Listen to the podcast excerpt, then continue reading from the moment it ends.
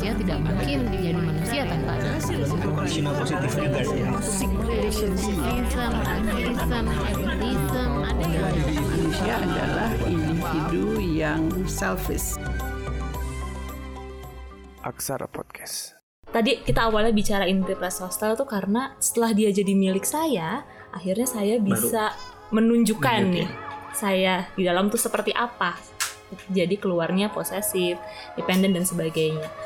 Nah, terus Over dependent kayaknya. over dependent ya. Nah, terus jadi tertariknya adalah sama rasa kepemilikan tadi. Mm-mm. Apakah akhirnya memang rasa kepemilikan itu sebaiknya bagaimana sih dalam hubungan? Baik terhadap pasangan ataupun terhadap orang tua. Karena kan kadang-kadang orang tua merasa anak itu milik saya.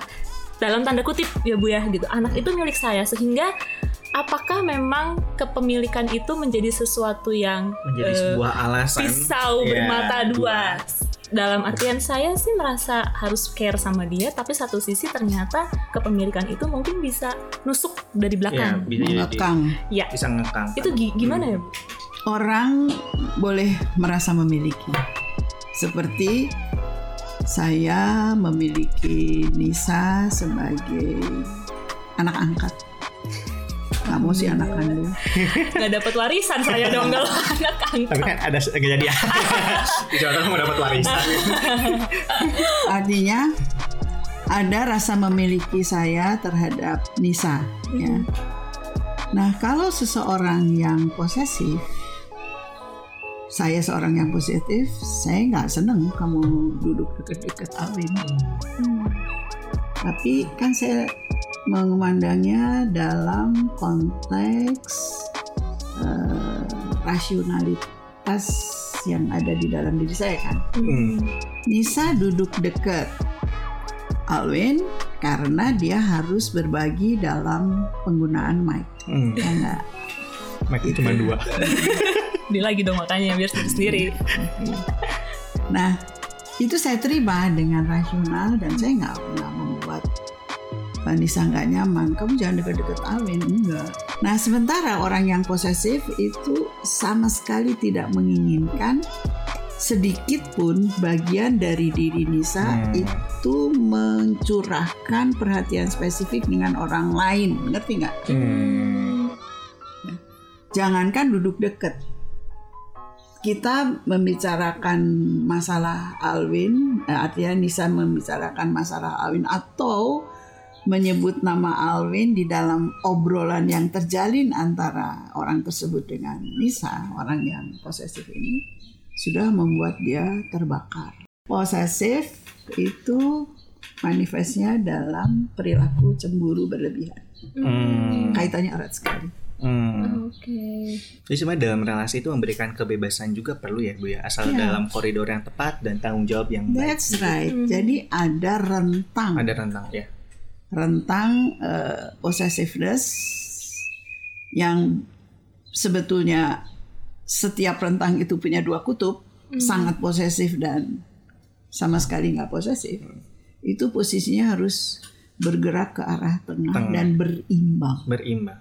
Yang satu sangat posesif, yang satu nggak peduli banget gitu. Ah, ah, itu Jadi ke sini ke tengah sehingga berimbang dan eh, nyaman buat Hmm. yang bersangkutan. Tapi kenyamanan itu baru diperoleh kalau orang yang melihat itu punya kadar kesehatan mental yang optimal. hmm. Yang membuat kacau itu adalah apabila orang yang merasa memiliki Nisa itu merasa bahwa Nisa itu milik dia dan kalau Nisa keluar sedikit dari pantauan. konteks eh, konteks eh, perizinan dia akan kedekatan, nah itu marah. Hmm. Itu yang namanya manifestasi perilaku posesif yang ekstrim. Hmm. Terus buat orang yang diposesifin Bu, katakanlah Hmm. ada orang diposesifin, apa yang perlu dia lakukan? Apa- Terlanjur sudah. terlanjur sudah memiliki hubungan, apa yang perlu dia lakukan? Satu, cari kesempatan untuk diskusi. Hmm. Tetapi sebelum diskusi itu, Nisa sebagai orang yang terganggu oleh possessiveness ini menuliskan apa yang ingin dia diskusikan. Oke. Oke. Kemudian cermati. Kira-kira suasana diskusi apa yang membuat Nisa bisa mengungkapkan secara jelas, Hmm. sistematis dan eh, sesuai dengan perasaan eh, ya, bisa diterima Bisa oleh diterima. perasaan yang posesif tadi. Hmm. Ya. Nah,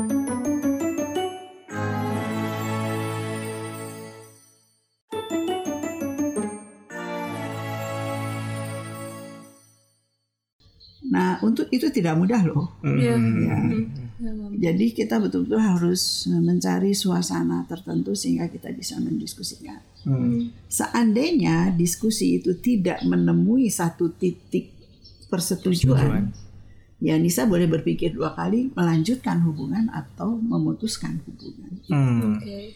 Karena terus terang kalau dicintai dengan sikap positif tuh bukannya kita jadi mesra tapi jadi benci ya. Iya, kalau Karena merasa posesif. di Kekang, hambat, hmm, dikekang. Sementara kita sebagai pribadi butuh tetap untuk berkembang ya nggak sih? Iya, Iya. iya. Ya. Dan harusnya relasi itu jadi tempat buat berkembang ya, Bu, ya, Iya. untuk bertumbuh. bertumbuh satu merasa ada yang memiliki Mm. dan itu menimbulkan rasa nyaman tapi rasa kepemilikan dari pasangan itu juga membuat peluang munculnya ambisi-ambisi pribadi kan Iya. Hmm. ya yang membutuhkan izin juga untuk bisa mengembangkan Hmm. Hmm. contohnya suami saya aja ya Boleh. Pepatah petua dari Petua. senior. Dari senior. Eh, suami saya itu memberikan saya peluang untuk belajar, sekolah, S3 sampai mencapai eh, ya mencapai gelar profesor ya. Hmm. Dan sebetulnya dia cuma lulusan SMA loh. Hmm. Tapi dia begitu membuka peluang yang membuat saya bisa terus tumbuh. Hmm. Dia nggak lulus SMA karena dia disuruh sekolah di akademi tekstil dulu. Dia nggak Hmm. suka, tapi karena rumahnya deket sama sekolah itu, bapaknya berpikir daripada nggak sekolah, udahlah sekolah di situ Hmm. murah, deket, Deket. dan lain sebagainya. Dia alasan punya alasan Iya, tertentu lah orang tuanya. Dia kan nggak berminat di tekstil, minatnya untuk membangun rumah Hmm. apa, sehingga dia pikir ah saya nggak bisa saya daripada saya nyusun benang-benang menjadi kain, lebih baik saya susun batu-batu sehingga menjadi bangunan. Hmm. Dan ini adalah karyanya. Oh. Keren nggak itu? Dan sama ibu ya. Iya, Terharu. iya. Jadi walaupun saya terus, saya kan belajar, dia kan eh, sekelas sama saya di SMP, bayangin. Eh, cinta pertama. Ya, Eh. dari dia. Saya sih cinta ke seberapa. Penting jadi ya bu. Ini di rumah maksudnya di rumah. Waduh. Keren Sawitri yang Perjalanan menaklukkan. Eh, cinta Bu Sawitri itu keren berarti. Tapi tanpa posesif ya Bu ya. Nggak, nggak posesif. Nggak berani lah dia posesif. Dek, berani deket aja udah alhamdulillah kan. Posesif gua tolak. Oh berarti mungkin dari pihak yang mau diposesifin juga harus punya keberanian dan ketegasan juga kali Iya ya, dong. untuk bersikap. Mm-mm. Hmm. Kalau enggak kan nggak enak kita hidupnya kan. Hmm. Oke, itu deh. Menarik. Dapat Menarik. pelajaran hidup ya. Enggak sih, jadi memang penting juga buat kitanya untuk malah ya untuk eh, tidak diposesifin juga bersikap tegas juga ya, Hmm, berani tegas. Dan mampu berkomunikasi secara asertif, artinya mengungkapkan pikiran dan perasaan itu dengan cara yang baik, cari waktu yang Hmm. tepat juga kali ya. Oh kamu pinter ya, psikolog ya kamu. Takut diambil ijazah. Takut diambil ijazahnya kalau Mending kita buru-buru pulang aja habis ini. Iya. ya segala sesuatu yang perlu dikomunikasikan memang ya dan namanya dalam hubungan tuh memang kita tidak boleh terlalu merasa memiliki pasangan secara berlebihan karena sebenarnya pada dasarnya setiap individu ingin dihargai Hmm. eh, entitas dirinya atau keberadaan dirinya masing-masing dan kalaupun ada yang merasa kok kayaknya pacar saya membuat saya tidak nyaman ya tadi balik lagi yang Alwin ngomong perlu dikomunikasikan ya buat tahapannya semakin dalam dan lebih mengenal pasangan itu sendiri Mm-mm. kalau terakhir poin dari Bu Sawitri, kalau kasusnya terjadi di orang tua, apa pesan terakhirnya kalau orang tua untuk orang tua yang posesif? Orang tua yang posesif Mhm, dan sebagai anak, Harus seperti merasa Harus. terkekang. mhm, Orang tua posesif memang hak mereka ya, mhm, karena kan mereka eh, apa melahirkan, membesarkan. Dan rasanya sangat sayang untuk melepas anak kita gitu kepada me- melepas anak kita untuk memberikan perhatian pada orang di luar mereka ya. Ini tuh saya rasakan juga ya saat saya menikahkan anak dan dia kira-kira tiga hari sesudahnya hmm, memanggil eh, truk truk apa? Apa? Truk. Uh, untuk membawa segala hal yang kita siapkan. Tem- tempat tidur lemari. Pokoknya ruang pengantin tuh dibawa semua. Memang saya saya minta supaya dibawa semua karena nggak ada nggak ada lagi yang harus saya nikahkan. Anak saya kan cuma Hmm. satu. Nah saat itu truk berangkat di depannya mobil dia di depannya mobil dia di sini belakangnya truk. Aduh sakit banget hati Hmm. Hmm. Enak aja lu ya, gue gede-gede lu tinggal ngambil, udah cantik, udah keren. Ya ambil gitu dalam hati ada Dalam hati perasaan. ada perasaan kayak gitu. Akhirnya apa coba? Dua bulan tuh kita berantem suami istri, Hmm. berantem yang keras gitu suaranya, Hmm.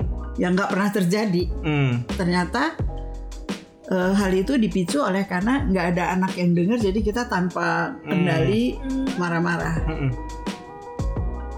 Setelah dua bulan, saya kan psikolog, lebih cepet sadar. Perinsam dan taubatan. Taubatan Ini kenapa ya? Kok kita kok berantemnya tuh berlebihan gitu ya? Ternyata dua-duanya tuh merasa kehilangan. Kehilangan. Hmm. Sakit hati, dua-duanya tuh sakit hati karena biasanya ada bertiga, kita Hmm. makan bertiga, kursi juga di meja makan tuh tiga. Lihat dari situ kursinya kan tiga. Hmm. Nggak ada yang isi satu, terus nggak nyaman, jadi yang keasinan yang biasanya dimakan aja ribut gitu Ribut. kan ya. Dan marahnya tuh nggak terkendali, suara tuh Hmm. naik gitu. Naik. Hmm. Saya pikir, waduh ini nih nggak sehat nih, bukan rumah psikolog nih kalau gitu. saya bicarakan. Oh iya ya, ternyata kita kehilangan gitu. Kita balik lagi ke suasana dan penyesuaian bersama tanpa anak itu kan harus ada penyesuaian. Iya, iya. Iya. Jadi memang perlu sadar juga ya orang tuanya gitu. Iya, Oh, bahwa kehilangan itu tuh benar-benar apalagi kalau cuma satu ya. Iya. Kalau masih banyak mungkin ada adiknya gitu ya. Gitu. Oke, menarik sekali pembahasannya. penyesuaian seumur hidup. Bagaimana possessiveness itu bisa Yes. lepas? Hmm. Ya, yang penting mah kesadaran ya akan posisi kita sebagai orang tua. Kalau katakanlah dia nggak ada yang ambil juga kan dia sedih. Iya. Hmm. Kita Nah, kan ada yang ngambil sedih, diambil sedih. Mm-mm, mm-mm. Kenapa nggak kita mencoba mensyukuri apa yang terjadi gitu kan? Ada gratitude, ada rasa syukur. Bersyukur. Iya harus bersyukur ada yang ngambil. Kalau nggak kan sedih. Iya, Ya nggak sedih nggak ada yang ngambil. Sedih. Belum ada tapi yang tapi ngambil. gini. Daripada kita nangis di sini ya Iya. mending kita cabut aja Cabut aja udah. Ya. Iya, makasih banyak luar Bu biasa Sawitri. terima kasih banyak ya Bu Said atas waktunya Ya. keren